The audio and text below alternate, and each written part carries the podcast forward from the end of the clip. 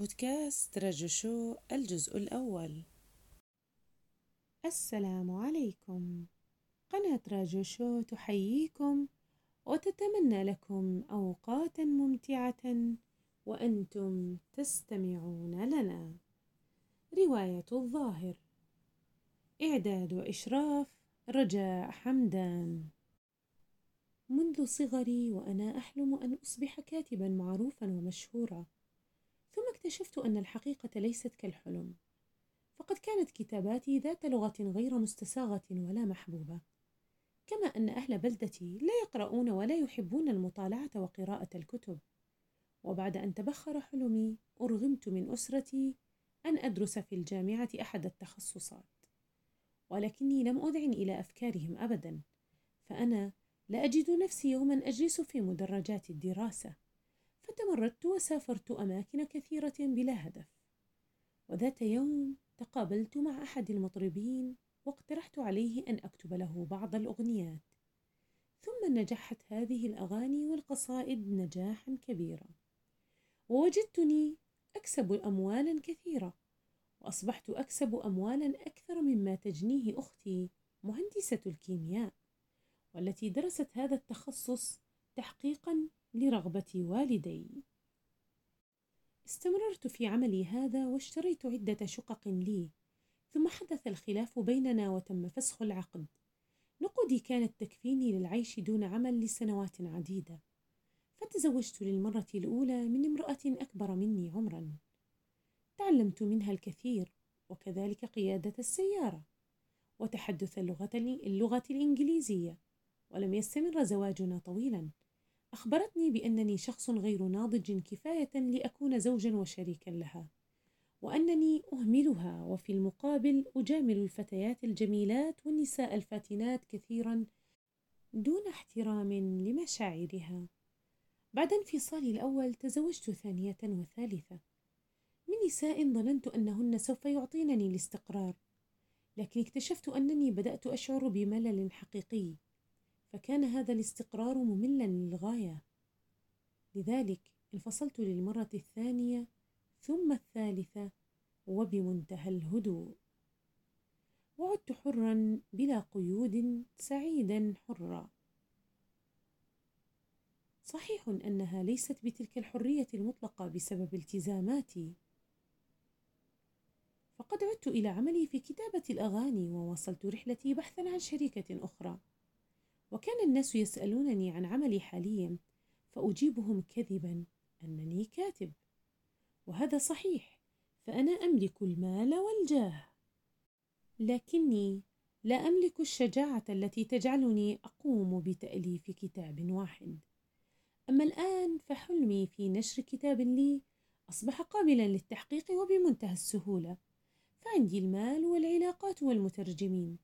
لكنني كنت خائفا جدا من فكرة الفشل والذي قد يجعلني محطما بقية عمري. فقررت أن أظل جالسا وأحلم بدل أن أكسر حاجز الخوف وأكتب كتابا خاصا بي. وذات يوم وأنا في مسيرتي الفنية وكتابة الأغاني جاءت إحدى الصحفيات من أجل إجراء مقابلة معي تهدف إلى معرفة كيف يكون شعوري حين أكتب هذه الأغاني فتصبح مشهورة جدا. فيعرفها الجميع ولكن ليس باسمي بل باسم المغني. وصوره تكتسح وسائل الإعلام دون أن يعرف أحد عني أي شيء يذكر. كانت الصحفية جميلة وذكية وهادئة. أحببتها فعلا ولكنها لم تعطني أي انتباه حقيقي وهذا ما جعلني أتمسك بها أكثر. كلما اتصلت بها اعتذرت بانشغالها. وكانت ترفض الخروج معي.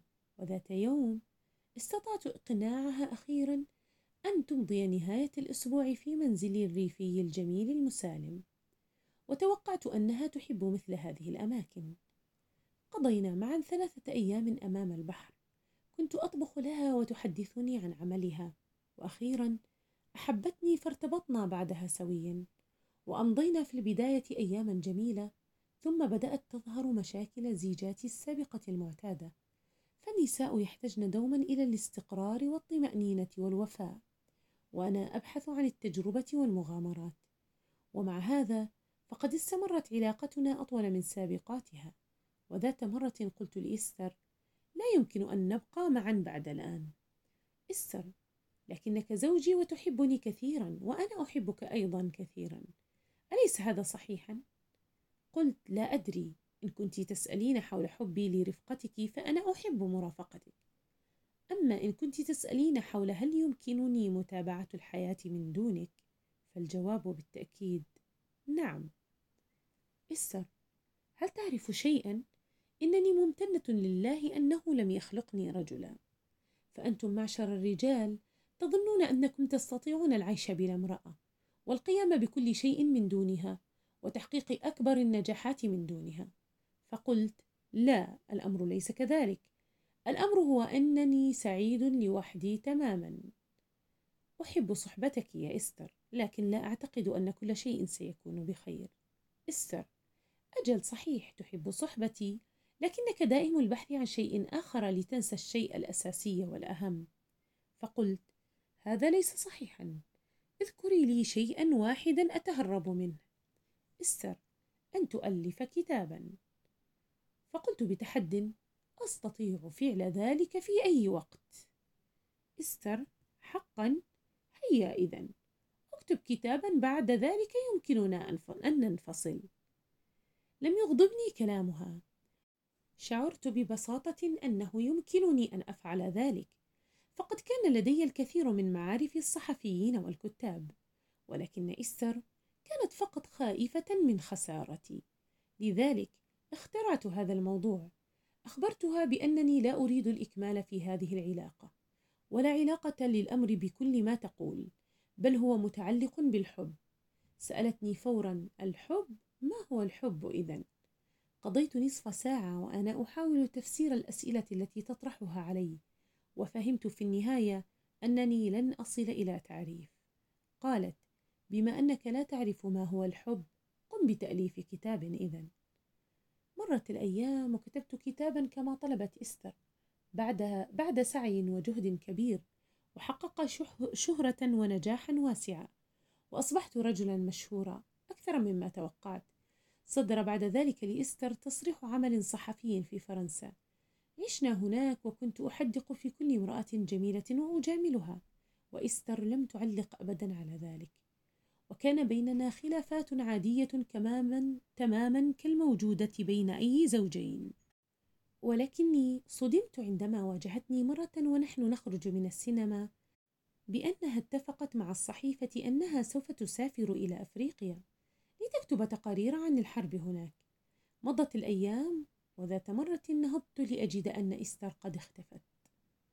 هجرت المنزل وهجرتني. رحلت تاركة كل شيء خلفها دون وداع أو إخبار إلى أين ذهبت عشت هول الصدمة وذات ليلة في جناح ساحر في فندق بريستول وبقربي زجاجة شراب بلا قطرة واحدة وعلبة سجائر فارغة والناس تشير إلي بأيديهم وتبتسم سألت نفسي وقتها هل كانت البداية ذلك اليوم حين كنا خارجين من السينما؟ هل كان يجب علي حينها أن أكون شديدا معها وأجعلها تنسى الفكرة بسرعة لأنها زوجتي ويجب أن تبقى معي لدعمي؟ كنت أدرك في نفسي أنني يستحيل أن أقول هذا الكلام وبالفعل فأنا لم أقله لها إستر واجهت منذ عامين متاعب قوية وكانت بحاجة للتفريغ النفسي فكانت تنتقل كثيرا وتسافر لدرجة أن كل مرة كانت تجلس فيها معي كأنها آخر مرة. كانت محتارة ومتوترة طيلة وقتها وكلما حاولت سؤالها عن حالها ترد بأن الأمور بخير وعلى ما يرام ولا شيء مخيف. وعرفت بعدها أنها تعرفت إلى شاب اسمه ميخائيل ويصغرها بخمس سنوات. فقد أعلنت عن حاجتها إلى مترجم يظل برفقتها في رحلاتها. وكانت تتحدث عنه بحماس وأنه حساس وغريب ويشاهد العالم كما هو بالفعل وليس كما قال الناس عنه. ويملك صفة مميزة سحرية تجعله مختلفا. وتظاهرت باهتمامي فعلا بذلك الشاب ومميزاته. لكنني كنت في الحقيقة أسافر بذهني بعيدا عنه.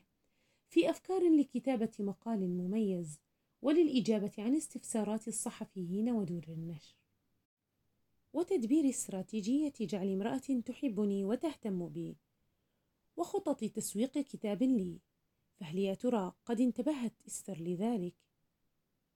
بعد ذلك توقفت إستر عن الكلام حول ميخائيل وقدراته وبدأت تزداد غرابة وتمضي أكثر وقتها في السفر.